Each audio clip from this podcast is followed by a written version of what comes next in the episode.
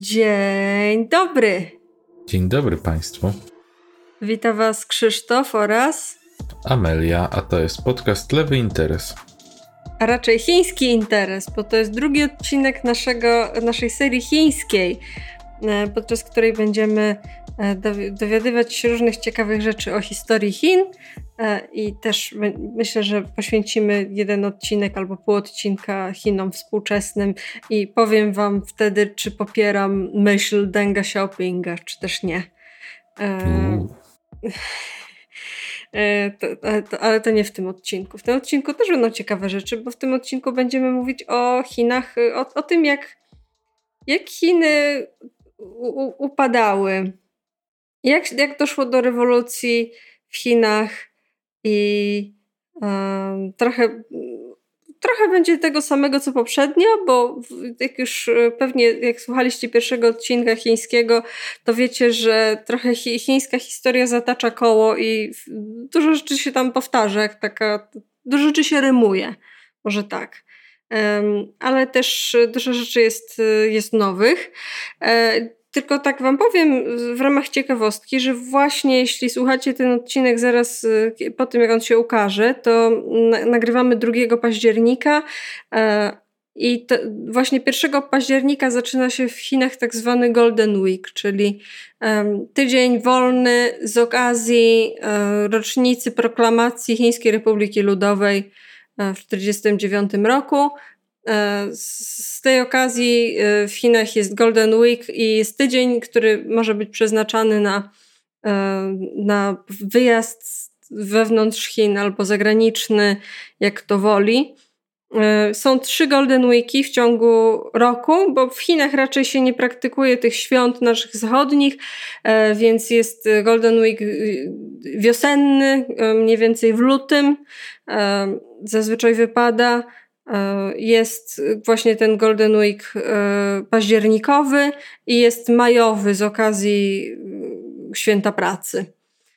Więc to, to jak widzieliście kiedyś na przykład takie dziesięciopasmowe autostrady w Chinach, które są całe zakorkowane takim wielkim korkiem, to właśnie to jest w czasie Golden Weeku, bo wtedy wszyscy wyjeżdżają i jak wszyscy próbują wyjechać z jednego miasta, to właśnie robi się taki Potem 5 dni w jedną stronę, dojeżdżasz na miejsce w, przez korek i musisz wracać kolejne tak. trzy i jesteś spóźniony do pracy tylko trochę.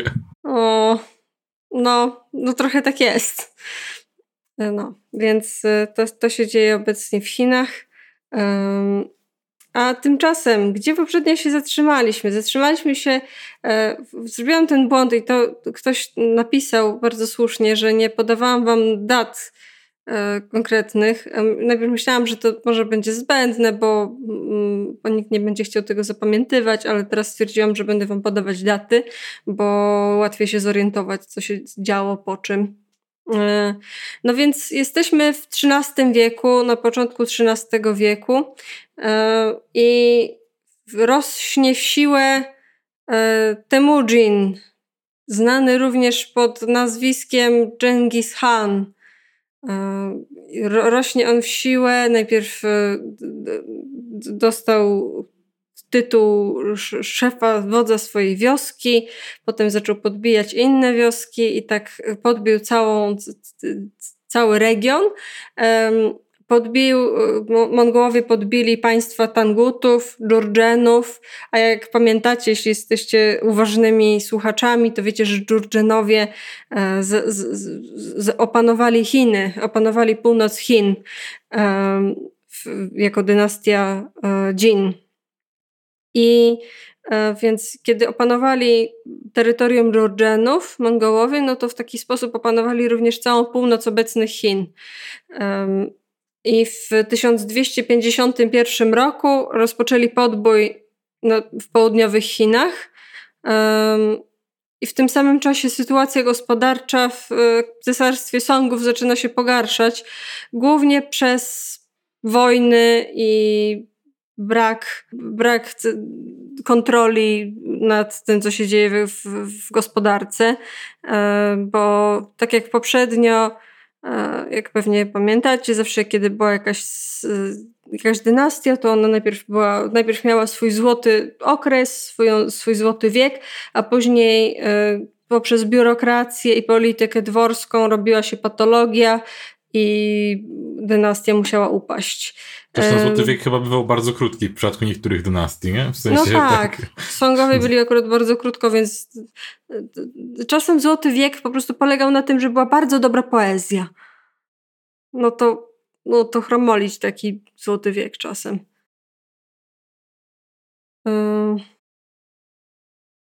No, więc Mongołowie w 1279 roku zadali dynastii Song ostateczny cios, bo wpadli na to, żeby po pierwsze obejść mur chiński. W ogóle progamer mów, że ma, ktoś ci buduje mur, ty mówisz obejdę go. Po prostu go obejdę.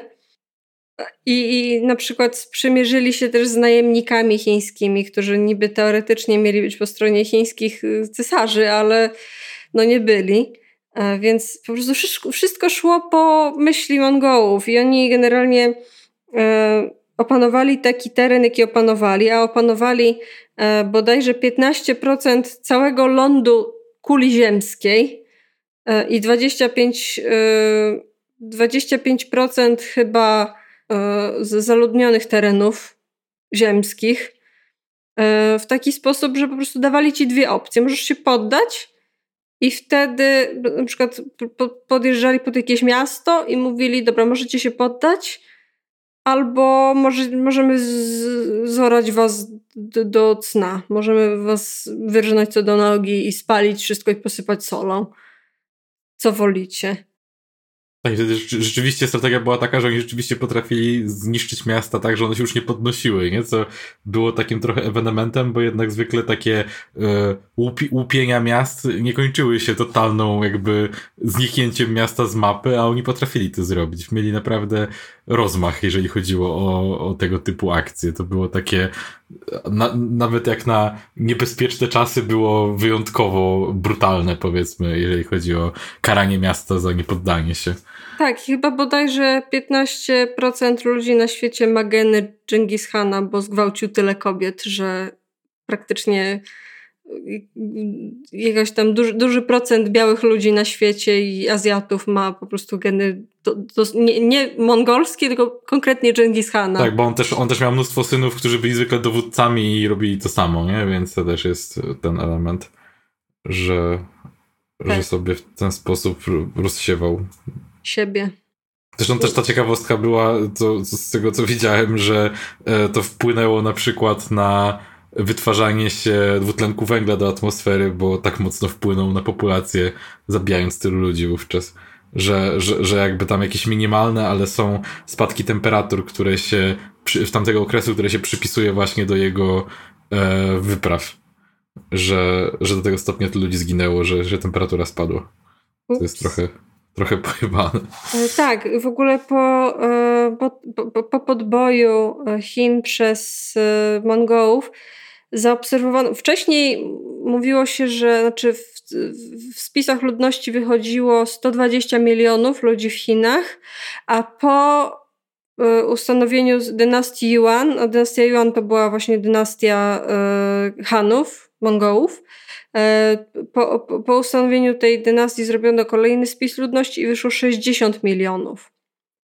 Czyli teoretycznie połowa ludzi w Chinach odpadła ale mówię, odpadła, a nie zginęła, bo nie do końca wiadomo, czy faktycznie tyle ludzi zginęło, czy po prostu po wojnie ciężko się robi spis ludności.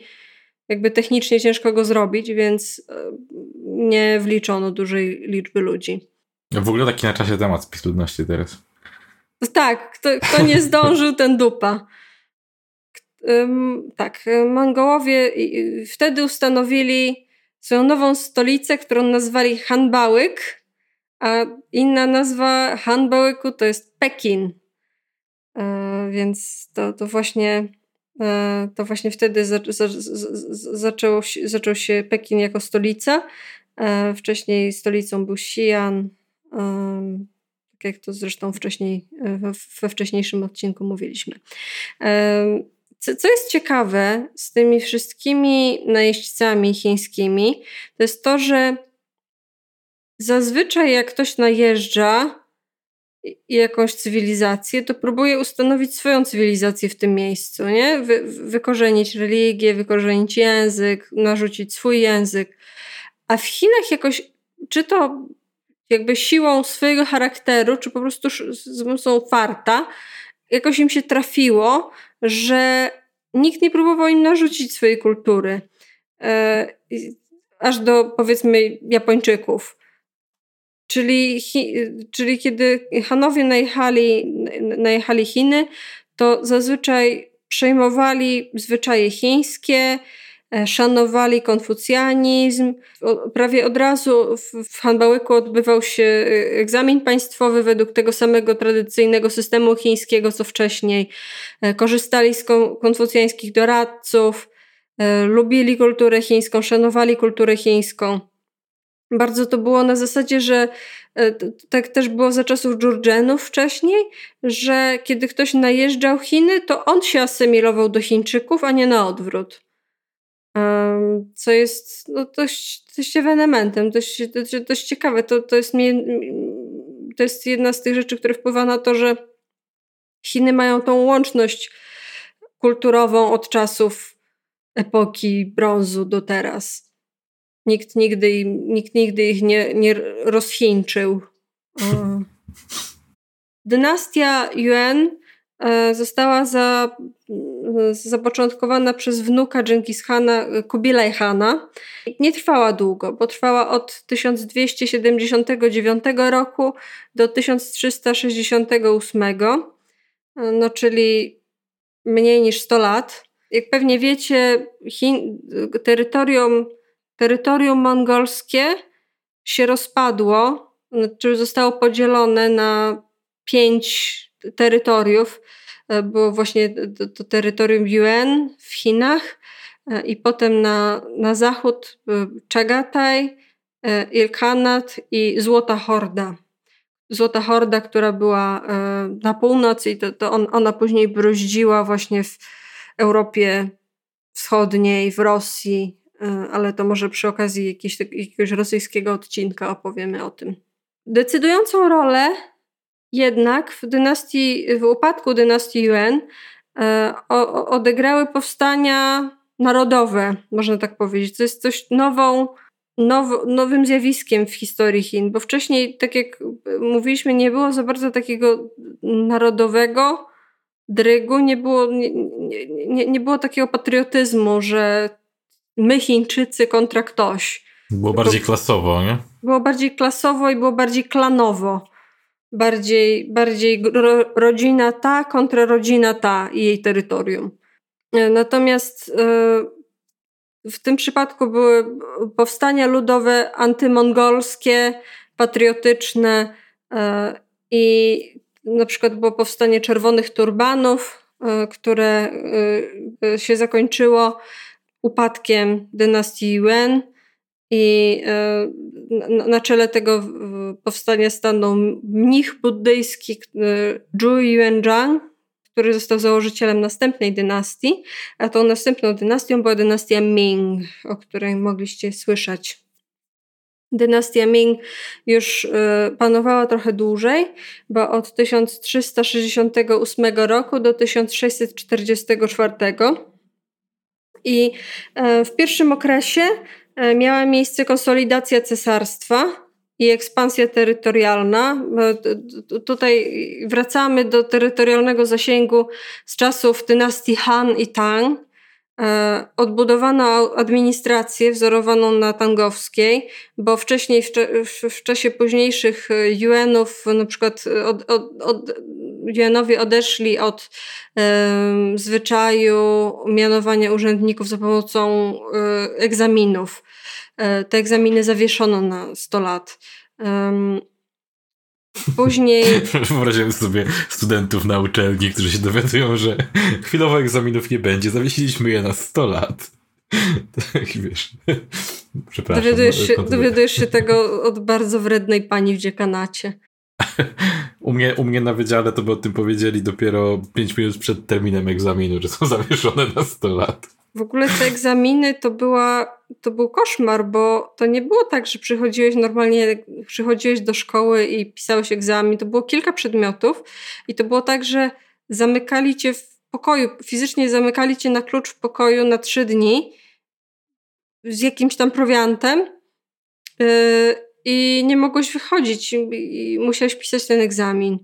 Yy, więc to był taki maraton naukowy bardziej niż, niż egzamin. No, potem, potem, je od, potem je przywrócono podczas dynastii Ming. E, administrację wzorowano na Tangowskiej. E, doprowadzono do stabilizacji gospodarczej, wbudowano nowe systemy irygacyjne, e, nowe powstały różne manufaktury produkujące porcelanę, jedwab, bawełnę, tkaniny i dalej. Czyli to mm. przez to są te wszystkie wazy z dynastii Ming, które są takim e, klasycznym e, już... Symbolem jakby... nadęcia. Tak, tak. Bo co, bo właśnie manufaktury ich wypuszczały dużo? W sensie dali rad, dzięki temu więcej się tego stało do dzisiaj? Tak. I teraz wam opowiem jedną ciekawą rzecz. Otóż czy, czytałam bardzo fajny artykuł o tym, dlaczego Chiny nie zostały potęgą na Pacyfiku. Bo Chiny owszem miały obecność handlową na Pacyfiku, ale jakoś nigdy się nie za bardzo, nie za bardzo chcieli się ekspandować na, na Pacyfik tak zbrojnie. Nie za bardzo e, kiedykolwiek byli potęgą morską. E, zazwyczaj, kiedy mówimy o żegludze chińskiej, kiedy miały miejsce jakieś wojny w Chinach, to zazwyczaj jeśli coś się działo na wodzie, to na rzece. E, była rzeka Yangtze, Yangtze rzeka Huanghe, e, rzeka Perłowa, to, to były teatry wojny.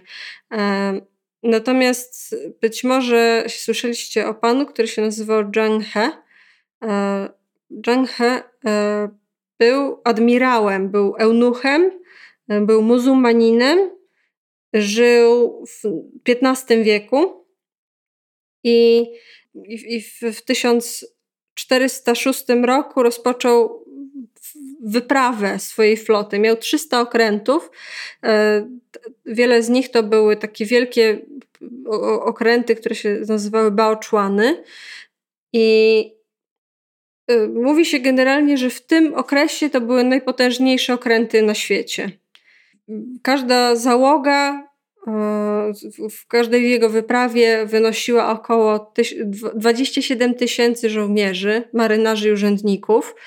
E, dla porównania, hiszpańska Wielka Armada, która miała podbić Anglię, liczyła 17 tysięcy ludzi i 130 okrętów. E, Zhang He, nie, nie, nie powiemy, że podbijał cokolwiek, bardziej te wyprawy były na zasadzie podpływamy gdzieś, mówimy hej, jesteśmy Chińczykami, jesteśmy od cesarza, e, dajcie nam trybut. Ten trybut był zazwyczaj tak mały, że był symboliczny, był tylko na zasadzie takiej kwestii honorowej, że okej, okay, oddali nam cześć. E, najczęściej ten trybut był tak mały, że nie pokrywał nawet kosztów wyprawy. Ale mm, powiedzmy, że otwierał jakiś tam rynek zbytu i powodował, że Chiny mogły się tam cieszyć, być dumne z siebie. I to były na przykład państwa Półwyspu Indochińskiego, archipelag malajski, Indie, Sri Lanka, Malediwy, e, wschodnie wybrzeże Afryki. E, to jest, jeśli słuchacie, e, słuchaliście odcinków indyjskich, to wiecie, że to, to tak, dokładnie to miejsce to był teatr kolonialnych bitew i wojen, do czego za, sek za sekundę wrócę. No i w, tutaj mówimy o tam 1406 roku i, i, i, te wyprawy trwały do bodajże 1430 któregoś. E, potem e, Zhang He zmarł e, i w drugiej połowie XV wieku cesarstwo Mingów nieco podupadło Najeżdżały na nich ludy stepowe z północy.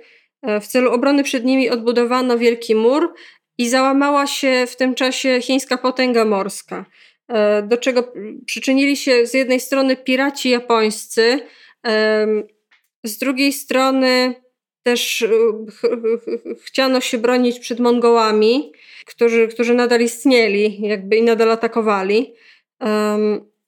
I oprócz tego chciano przebudować wielki kanał, który łączył Pekin z Hangzhou i on, on ma prawie 2000 kilometrów. Jest to najdłuższa na świecie e, sztuczna droga wodna łącząca dwa miasta. E, z, z, z, tego powodu jakby wszędzie była żegluga śródlądowa, wszędzie była żegluga rzeczna, więc jakby kombinowanie z żeglugą powiedzmy międzynarodową było trochę luksusem, na który nie było Chiny stać.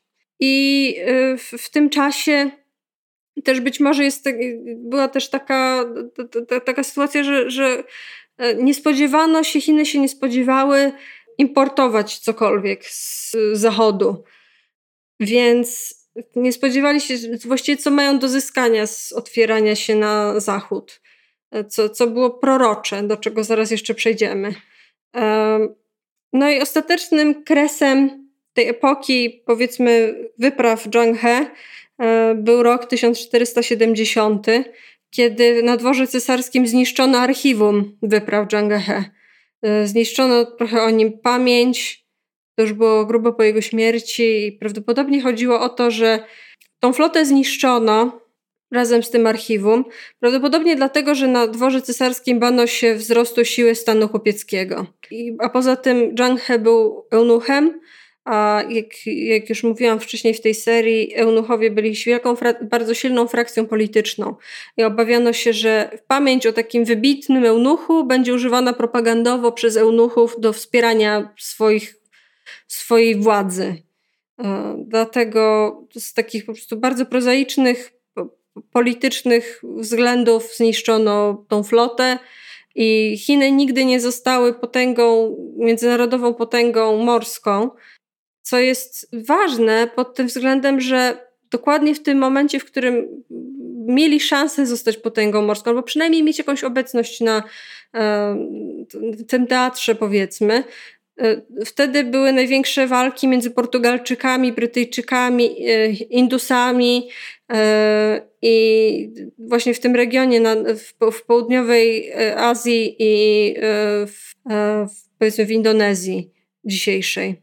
Więc Chiny tak naprawdę przez to nie były na scenie międzynarodowej i odsunęły się trochę na, na, na peryferię, na, na peryferię międzynarodowej polityki, z czego już tak naprawdę nigdy nie wyszły, aż do teraz.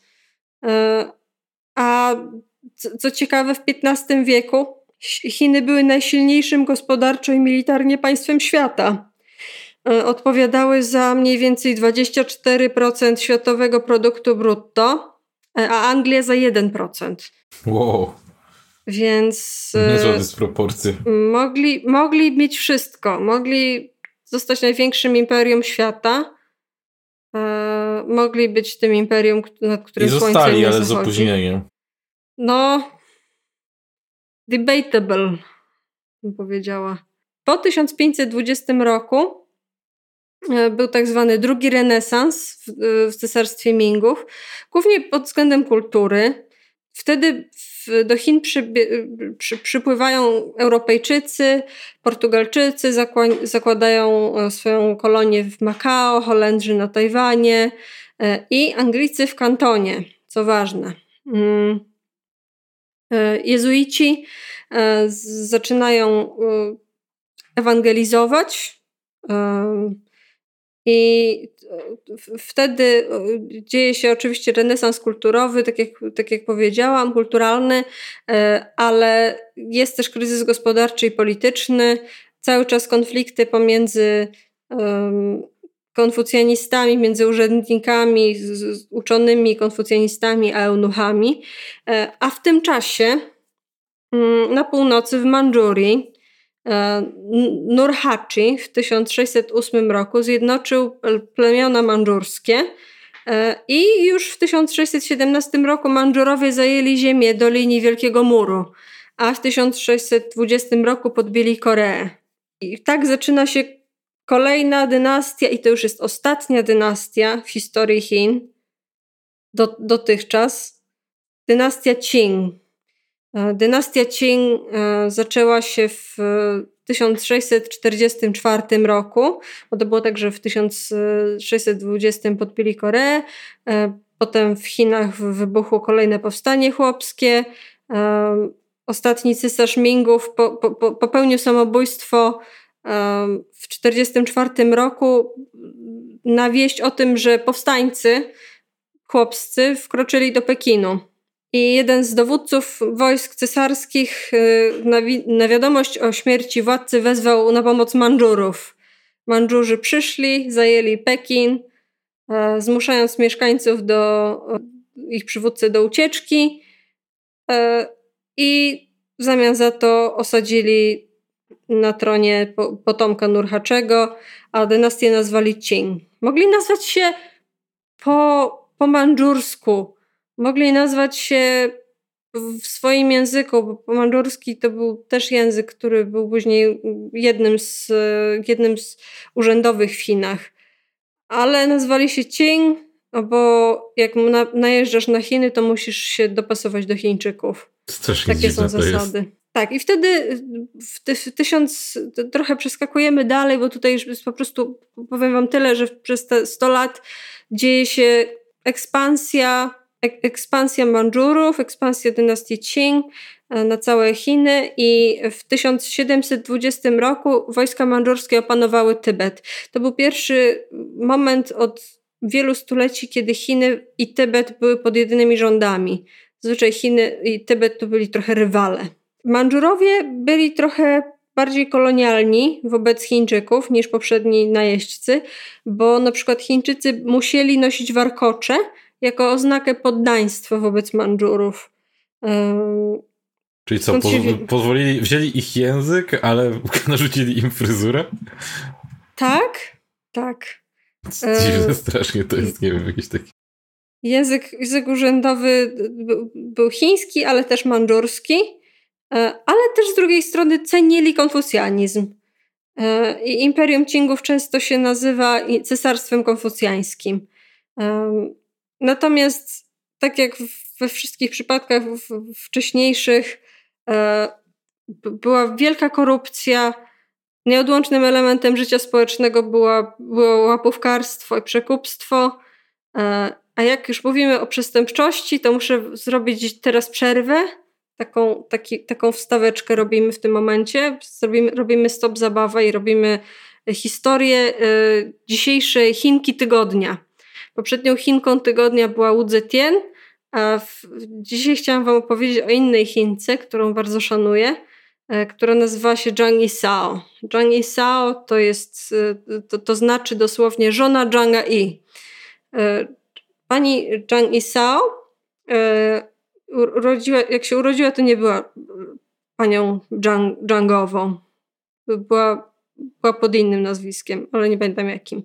Pani Zhang Yi przez pierwsze lata życia była albo burdelmamą, albo prostytutką w kantonie. Nie do końca wiadomo. Potem wyszła za mąż za pirata.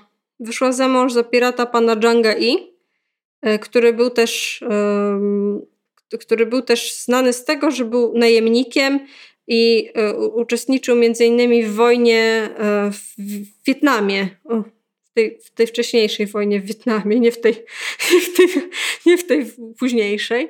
E, I, i był, był, przez to stał się takim wytrawnym, takim, takim dobrze wykształconym żołnierzem. Naprawdę umiał się bić i miał bardzo dobrze zorganizowanych ludzi. E, w pewnym u szczytu swojej władzy było, miał konfederację piratów, w której było 70 tysięcy ludzi. Pewnego dnia pan Zhang-i wypadł za burtę i zginął. Tam piraci, ci, ci co byli szefami tej konfederacji, się zebrali, żeby wybrać następcę, następnego szefa. I pani Zhang-i powiedziała: Ja chcę być szefową. E, oni, to, to, to nie było takie znowu dziwne, bo często wdowy przejmowały interes męża, męż, swojego zmarłego męża, więc to nie był taki jakiś skandal, że kobieta chce być następczynią. Y, ale pan Zhang-i miał potomka, bo pan Zhang-i miał adoptowanego syna. E, ten jego adoptowany syn był, był wcześniej jeńcem, e, później, później został przyjacielem, później został adoptowanym synem, był takim wychowankiem jego e, i był mniej więcej w wieku właśnie Zhang i Sao. Na co Zhang i Sao powiedziała, a, rzeczywiście, miał adoptowanego syna, ale ja tutaj zastosowałam taki ruch gamerski, że zaczęłam go ruchać. I, e,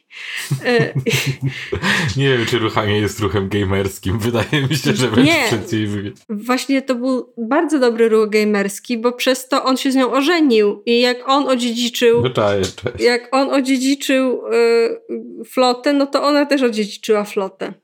Y, więc bez żadnego problemu ona została szefową. E, zresztą on jakby zgodził się po prostu być jej, być, być jej podwładnym. I e, ona została, została naj... On został jej simpem. E, A ona była taką stepującą mamą.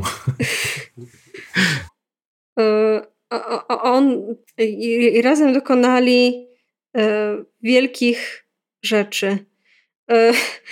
Konkretnie E, sytuacja wyglądała tak, że mieli e, kontrolę nad całym rynkiem soli w całym cesarstwie i działało to tak, że jak miałeś gdzieś płynąć, to musiałeś iść do biura pirackiego. W każdym większym mieście były biura piratów. Szedłeś do biura i wykupywałeś sobie bilecik. Jak miałeś bilecik, to dawali ci spokój. Jak nie miałeś bileciku, to w zasadzie na 100% byłeś zatapiany. Albo kradli ci rzeczy, a potem. To chyba zatapiali. u, Terego Pratchetta był ten motyw z tą gildią morderców, czy tam coś, czy nie, że gildia złodziei tak działała, że można było u nich wykupić właśnie e, miesięczną opłatę zwalniającą cię z kradzieży. W sensie bycia ofiarą kradzieży. Tak, włoska mafia chyba też tak działa. Płacisz pizzę i wtedy cię nie, nie, nie upią. No, ale Changi Sao była pod tym względem fejwem moim, że e, wprowadziła kontekst honorowy. I na przykład był twardy zakaz gwałcenia więźniów i więźniarek, e, czy tam jeńców. E, był twardy zakaz, mogłeś jedyne co mogłeś zrobić, to ożenić się z, z, z jeńcem czy jeńczynią. Był zakaz y, zabijania jeńców, był zakaz, y, no zakaz dezercji, to wiadomo, ale po prostu były to takie honorowe, nie robimy krzywdy ludziom bez sensu e, zasady. E, więc Chani Sao była spoko, i, y, ale stała się tak mocna i tak silna, że E, cesarz nasłał na nią e, urzędnika i e, wielkiego żołnierza, który nazywał się Bailing i polecił mu ukręcić łeb Zhang Sao. No i prawie, prawie, prawie im się udało. Zdążyli, Zhang Sao wtedy postanowiła y, zrobić ekspansję na, na rzece perłowej, tylko że na rzece perłowej to nie, było jej, to nie była jej mocna strona, żegluga śródlądowa, bo tam nie ma miejsca. Nie ma gdzie uciec.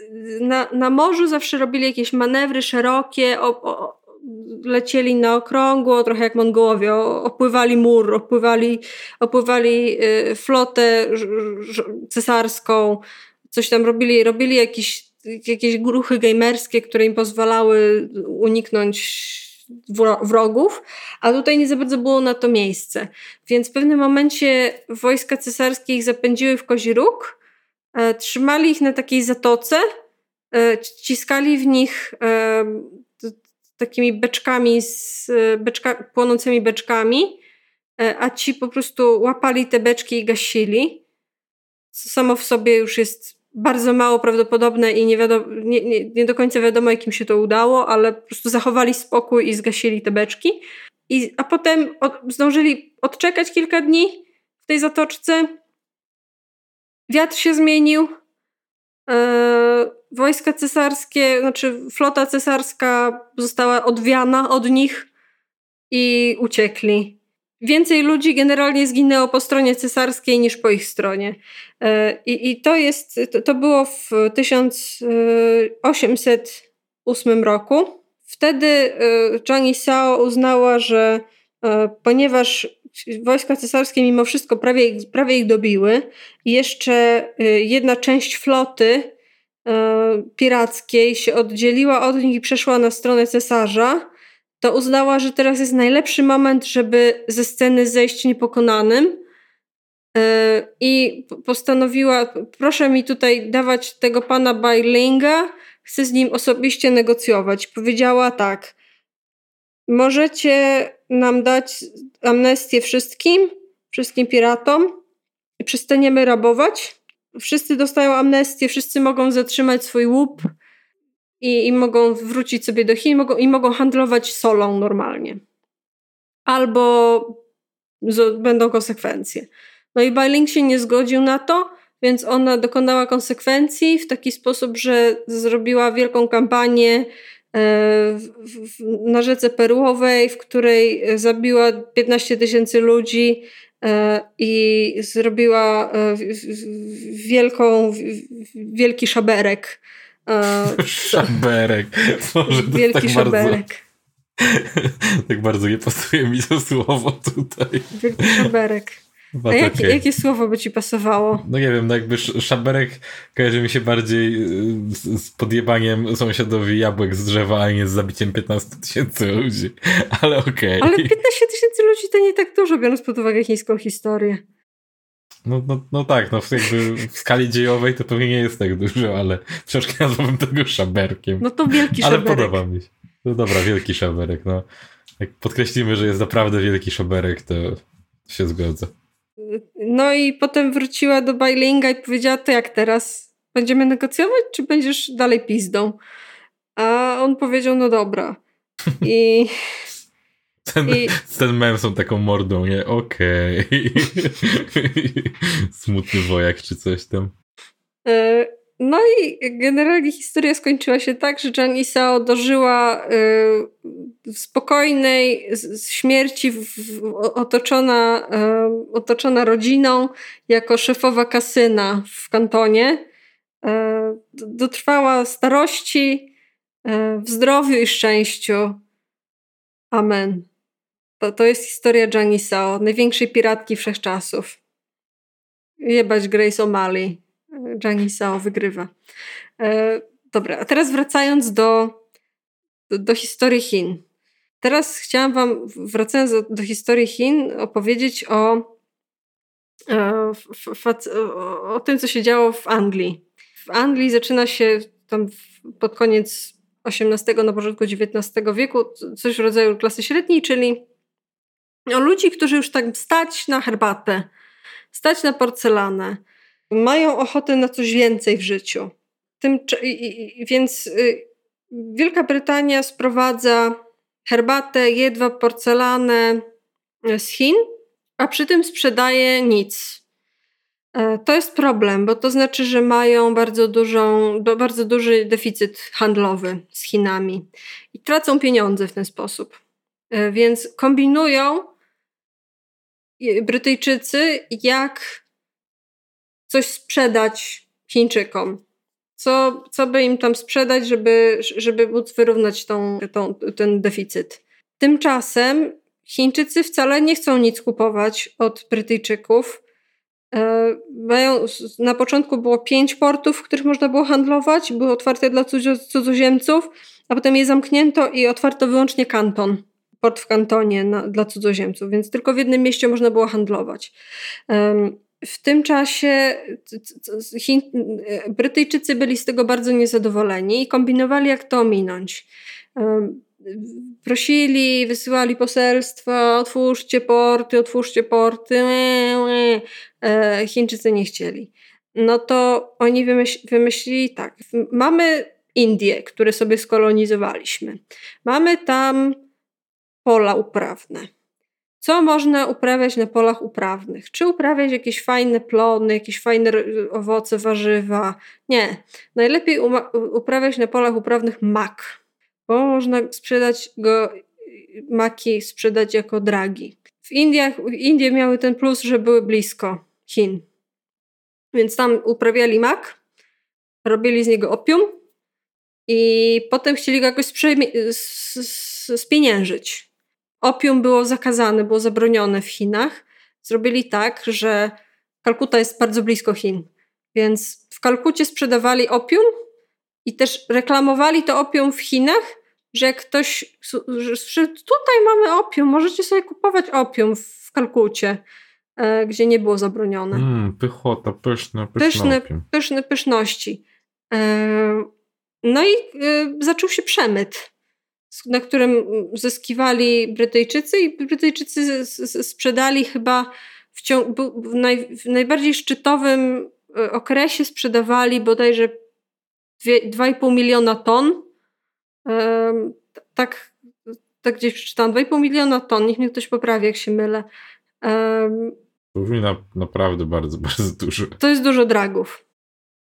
E, był, I to był wielki, wielki społeczny problem, że ludzie nadużywali um, opium. No, że ludzie w ogóle używali opium, bo chyba ciężko używać mało opium.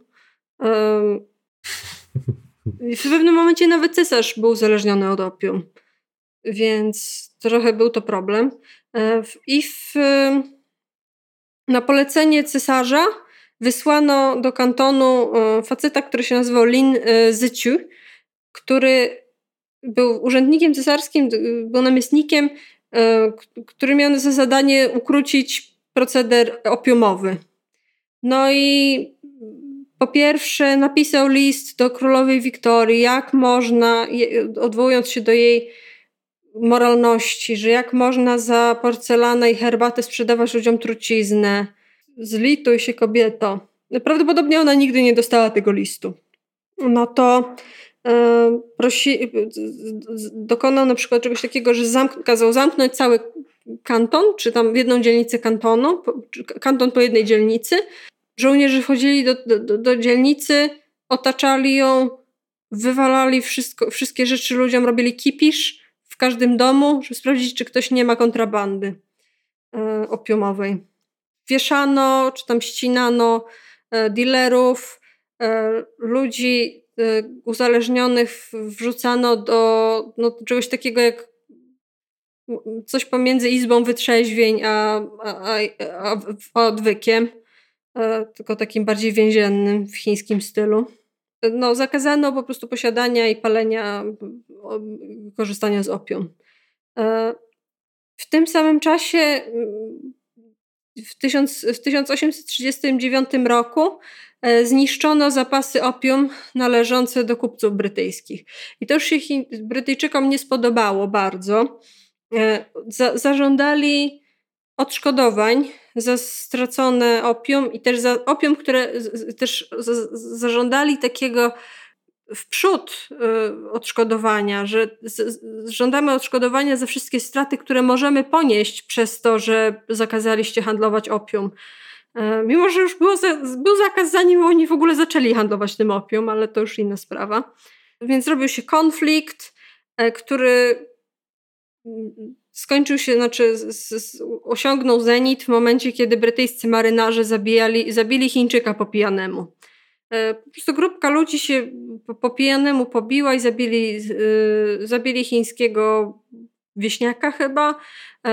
Brytyjski brytyjski, e, brytyjski konsul e, powiedział, tak, tak, skażemy ich bardzo, no, no, ciężki wyrok dostaną od nas w Wielkiej Brytanii, dajcie, dajcie nam skazać ich na brytyjskich, według brytyjskiego prawa. I wziął ich sobie, tych marynarzy, i skazał ich na pół roku ciężkich robót, co uznano za niewystarczający wyrok jak na zabójstwo. I Lindsay bardzo się wkurzył, zakazał sprzedaży jedzenia Brytyjczykom. żeby ich wykurzyć, żeby po prostu spieprzali stamtąd. Nie, nie, chciał, ich, nie chciał w ogóle mieć Brytyjczyków w, w, w... To, jest w sumie, to jest w sumie dobry też ruch gamerski, nie? że nie, nie, nie wyrzucasz kogoś z kraju, ale zabragasz sprzedawać mu jedzenie. Takie, tak, tak, tak, tak. Takie, zmuszasz go, żeby sam sobie poszedł w ogóle e, to, jak zniszczono zapasy te, te, tego, tego opium w taki sposób, że e, wszystko zmieszali z wapnem, solą i wodą, a potem wrzucali do morza. Zniszcz, zniszczyli im te narkotyki. E, rząd Wielkiej Brytanii postanowił zachować się racjonalnie i w sposób stonowany, czyli wysłał flotę, żeby Chińczykom pokazała, jak bardzo im się nie podoba niszczenie narkotyków, które oni chcą sprzedawać. Więc e, zaczęła się karna wojna e, przeciwko Chinom. E, I tutaj trochę opowiadałam wam o, o, o, o między innymi dlatego, że trochę opowiedziałam wam o Changi Sao między innymi dlatego, żeby wam pokazać jak słaba jest flota chińska, cesarska. Swoją drogą Changi Sao w ogóle brała udział e, jako, jest taka, nie pamiętam czy to jest legenda, czy to faktycznie się działo. E, Changi Sao była po prostu strate, strateżką e, podczas wojny opiumowej pierwszej. Brytyjczycy mają do dyspozycji statki, które w ogóle są zasilane parowo, mają, mają działa i, i tak dalej, a Chińczycy w tym momencie wojują łukiem i strzałami. Tak, żeby wam pokazać, jaka była dysproporcja sił między innymi.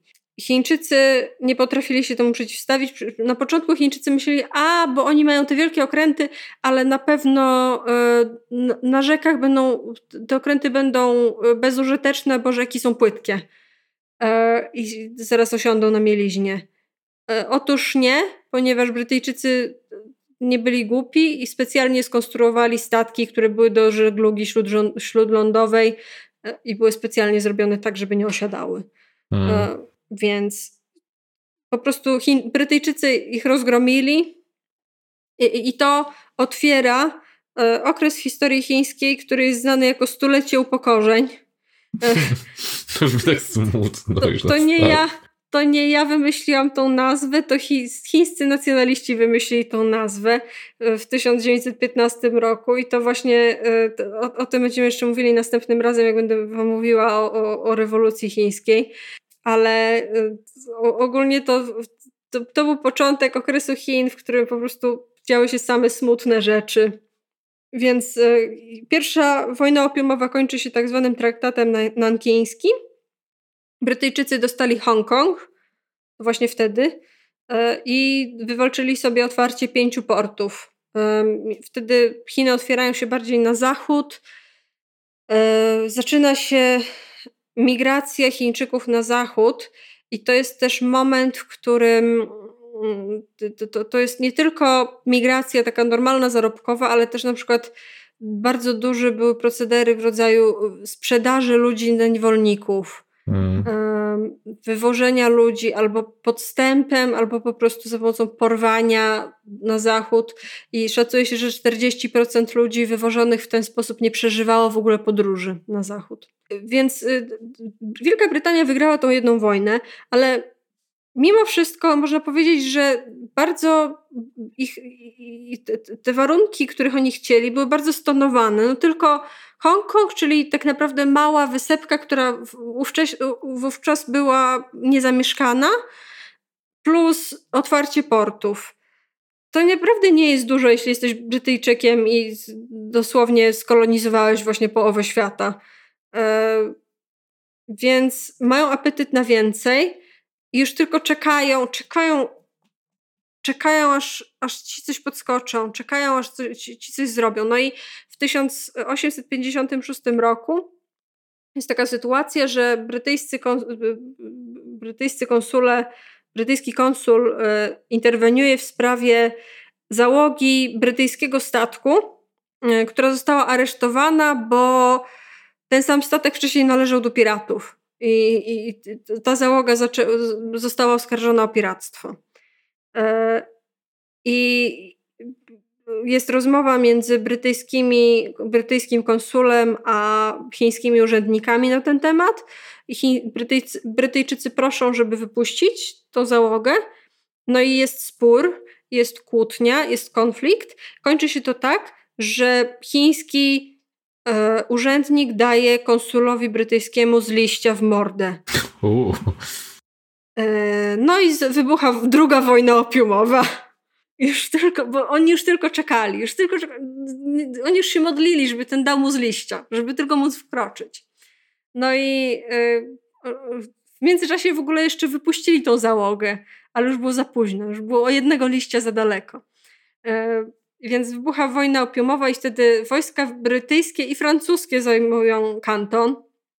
E, w 60 roku, 1860 roku wkraczają do Pekinu. E, I w, w, dalej, kiedy w okresie tam drugiej i trzeciej wojny opiumowej, jak e, Chińczycy wiadomo, że przegrają, to do gry włączają się jeszcze Rosja i USA, żeby, żeby się też nachapać na, na, na traktatach pokojowych. Rezultatem tego są dalsze, dalsze ustępstwa ze strony Chin po traktatach pięcińskich, ajguńskim i pekińskim w zasadzie, w zasadzie państwa zachodnie są takimi krajami półkolonialnymi. W sensie Chiny są półkolonią, powiedzmy, brytyjską i zachodnią ogólnie.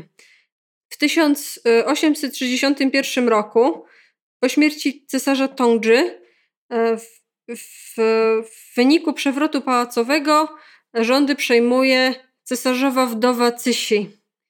E, ona była nominowana do e, tytułu dzisiejszej, e, dzisiejszej Chinki Tygodnia, ale niestety cesarzowa wdowa Cysi nie była dobrą cesarzową, więc nie, nie jest Chinką Tygodnia dzisiaj. Zaraz wam opowiem, dlaczego nie była dobrą cesarzową. Cesarzowa wdowa Cysi generalnie rządziła państwem do, do swojej śmierci. E, bo najpierw była regentką e, następnego, następnego cesarza, e, a potem jak cesarz próbował się usamodzielnić, to go zabiła, a jej zabiła swojego syna. A potem postanowiła kontrolować kraj dalej, ale za, za sekundkę wam o tym opowiem. E, więc jest u władzy cesarzowa Cysi, która e, dostaje zbrojne poparcie Wielkiej Brytanii i e, tłumi powstanie Taipingów. Taipingowie to byli, to, to było znowu chłopskie powstanie, które było trochę inspirowane chrześcijaństwem. Wtedy, wtedy chrześcijaństwo zaczęło być mocniej, e, mocniej obecne w, w Chinach. E, no i było inspirowane tam braterstwem, równością, takimi rzeczami. Też pamiętajmy o tym, że to jest cały czas dynastia mandżurska, więc cały czas wybuchają lokalne powstania antymandżurskie. Często, często w tym okresie na przykład organizacją, można powiedzieć, opozycyjną były triady. Wtedy one, wtedy między innymi one zaczęły być silne, czyli triady, czyli powiedzmy mafia taka tajna mafia, tajne stowarzyszenie chińskie. I teraz y, w, w Chinach w 1885 roku e, Wielka Brytania zaczyna anektować kolejne kawałki, powiedzmy, zależne od Chin, czyli Birmy, a potem Sikkim. E, a potem ma miejsce wojna, wojna z Japonią, wojna chińsko-japońska w latach 1894-95. E, Chiny tracą zwierzchnictwo nad Koreą, e, odstępują Tajwan i Półwysep Liaotung i Port Arthur, czyli inaczej miasto Lushun. I płacą wysoką kontrybucję. Generalnie to, to, to jest kolejny element wojna chińsko-japońska to jest e, kolejny jakby element tego stulecia upokorzeń. W tym czasie e, zaczyna się rozwijać kapitalizm w Chinach.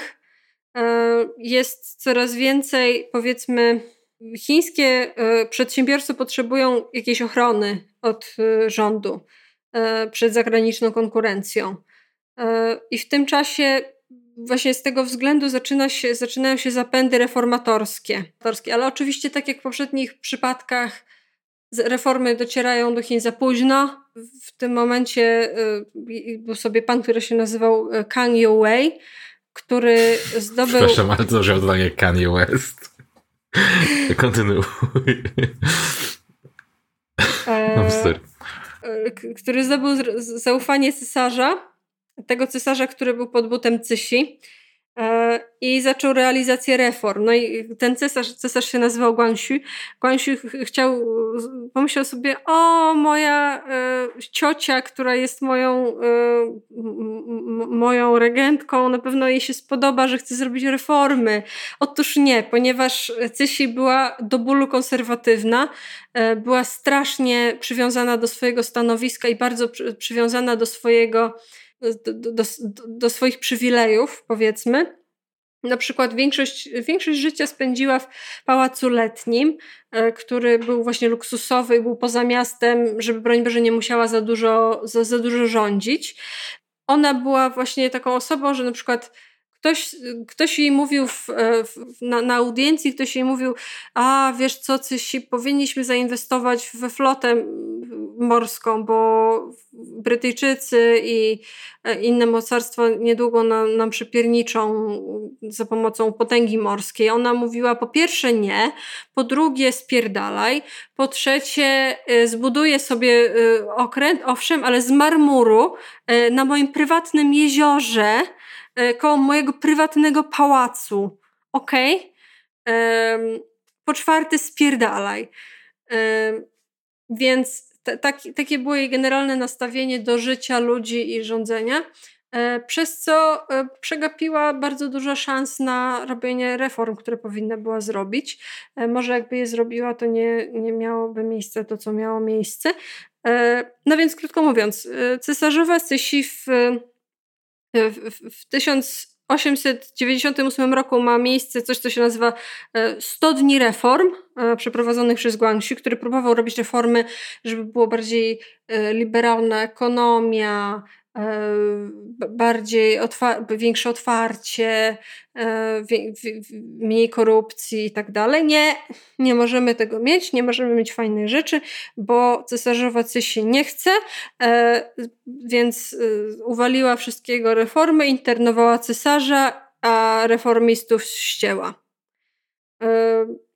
No, więc tutaj jeszcze wypadałoby dodać taką rzecz, że pod koniec XIX wieku ponad 80% mieszkańców Chin utrzymywało się z uprawy roli i tryb i warunki życia były w zasadzie takie same jak za dynastii Tang, czyli od 500 lat praktycznie nic się w Chinach nie zmieniło.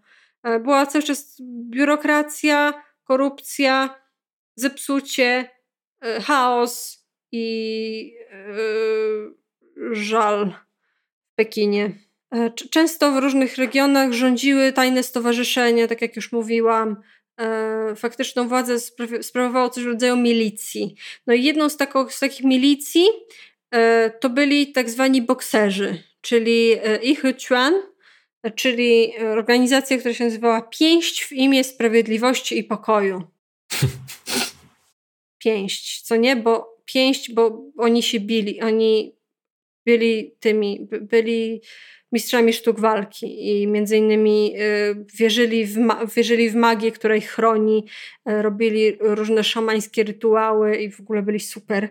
Y, bokserzy generalnie ich zasadnicza ideologia była taka, że nienawidzili obcokrajowców nienawidzili chrześcijan. Chrześcijanie, bu, chrześcijanie byli widziani, jako e, obcy, byli nienawidzeni, bo byli po prostu dziwni, obcy, mieli obce, obcą kulturę, inne obyczaje. Nawet, nawet chińscy neofici byli po prostu widziani jako obcy. Więc, więc bokserzy byli taką organizacją bardzo ksenofobiczną, ani an, anty, antycudzoziemską. E, I kiedy wybuchło powstanie bokserów w 1898 roku, na początku ono było jakby antyrządowe, a później Cysi bardzo szybko się dogadała z bokserami. E, dwa lata później e, powstańcy wkroczyli do Pekinu i zablokowali dzielnice misji dyplomatycznych. E, I wtedy zaczęła się interwencja ośmiu państw. To była interwencja Niemiec, Stanów Zjednoczonych, Wielkiej Brytanii, Francji, Japonii, Rosji, Austro-Węgier i Włoch, które wszystkie wysłały jakieś tam wojska, żeby zdławić powstanie bokserów i, i przez jakby równolegle z tym, jak chcieli zwalczyć powstanie bokserów, to tak naprawdę musieli zwalczyć całe Chiny, e, bo, bo Chiny były po, po, stronie bokserów. I na przykład e, przeczytam wam e, kawałek przemówienia cesarza Wilhelma, który jak wysyłał niemieckie wojska do Chin, wygłosił tak zwaną chuńską mowę E, I ta, ta mowa brzmiała tak. Tępić bez pardonu, nie brać jeńców, kto wpadł wam w ręce, niech zginie. Podobnie jak tysiąc lat temu Hunowie zdobyli sławę pod przywództwem swojego króla Attylli, co w dużym stopniu pojawia się jeszcze dziś w przekazach i legendach, tak niech zapisze się dzięki wam na tysiące lat w Chinach imię Niemców w taki sposób, żeby żaden Chińczyk nie odważył się chociażby krzywo spojrzeć na Niemca takim generalnie duchu było, było, była ta interwencja. Bardzo sympatycznie, bardzo, nawet wtedy jeszcze nie było konwencji genewskiej, ale była konwencja haska i to bardzo było niezgodne z konwencją haską. E, no. E, no więc interwencja zakończyła się upadkiem powstania bokserów i zarazem upadkiem Chin. E, Chiny miały w ciągu 39 lat zapłacić kontrybucję 450 milionów taeli, czyli srebrnych dolarów, inaczej można powiedzieć. I y, następnie przeskoczę kawałek, bo chciałam tylko zrobić taki teaser tego, co będzie w następnym odcinku. Następnie była seria różnych powstań w Chinach. E, ale ta, to, to powstanie, o którym chcę, żebyście wiedzieli, e, to jest powstanie Okej. Okay. E, powstanie, o którym chcę, żebyście wiedzieli, to jest powstanie Wuchang, które zaczęło się w 10 października 1911 roku, więc też niedługo będzie e, rocznica okrągła. To, to było powstanie e, przeciwko po prostu dynastii Qing. I już po dwóch tygodniach w, listopadzie już 14 z 15 prowincji nie uznawało rządów dynastii Qing. I to doprowadziło do ustanowienia, do proklamacji Republiki Chińskiej e, w Nankinie w 1912 roku. E, e, szefem, tymczasowym prezydentem został Sun Yat-sen. A wcześniej, wcześniej cesarzem był pięciolatek, który nazywał się Pui ten pięciolatek został abdykowany, znaczy został zdetronizowany.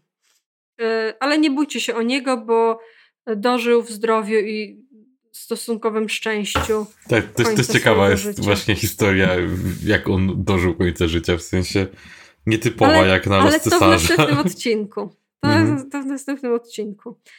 Teraz tylko wspomniałam o Suniacenie. Będziemy o nim gadać więcej następnym razem, a tymczasem E, to koniec na dzisiaj. E, dziękuję bardzo wszystkim. E, Dziękujemy. I teraz chcielibyśmy konkretniej podziękować naszym patronom. MF, Łukasz Maciejewski, Tomasz Dubiel, kolega Tomka Popa, Jean, Michał Kolacha, Sylwia i Konrad, Piotr Sowiński, Adusia i Adaś, Super Kokos. Dziękujemy. Dziękujemy bardzo. E, Amelia, e, bo tak pamiętam, że kiedyś mieliśmy taką tradycję i już o niej zapomnieliśmy, ale może wrócimy do tego chociaż na teraz. Powiedz mi, co chcesz zareklamować? Chcę zareklamować myśl Denga Shoppinga. Okej, okej, okay, okay, to ja chcę, ja, ja myśl, myśl Borisa Johnsona w takim razie. Tak ogólnie.